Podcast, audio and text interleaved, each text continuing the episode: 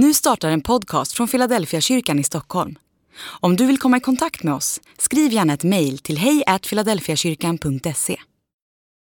Dag 139 Född på nytt. Bland fariséerna fanns en man som hette Nikodemus och var medlem av judarnas råd. Han kom till Jesus en natt och sa Rabbi, vi vet att det är från Gud du har kommit som lärare. Ingen kan göra sådana tecken som du utan att Gud är med honom. Jesus svarade, sannerligen jag säger dig, den som inte blir född på nytt kan inte se Guds rike.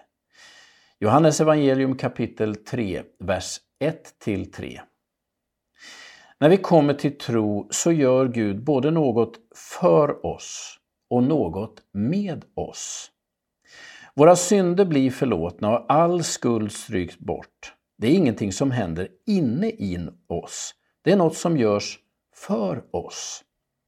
Även om vi själva kommer ihåg alla misstag vi har gjort, alla elakheter och svek vi har, vi har begått, så har Gud förlåtit dem.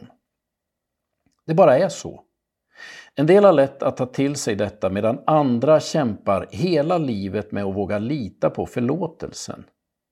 Men det är inte vår känsla som avgör att vi är förlåtna eller inte. Det är Guds löften.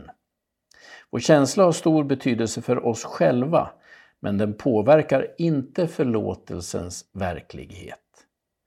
Men frälsningen gör också någonting med oss. Jesus säger att man blir född på nytt. Det är i högsta grad något som händer inne i oss och som påverkar oss på alla plan. Kanske inte omedelbart, men på sikt.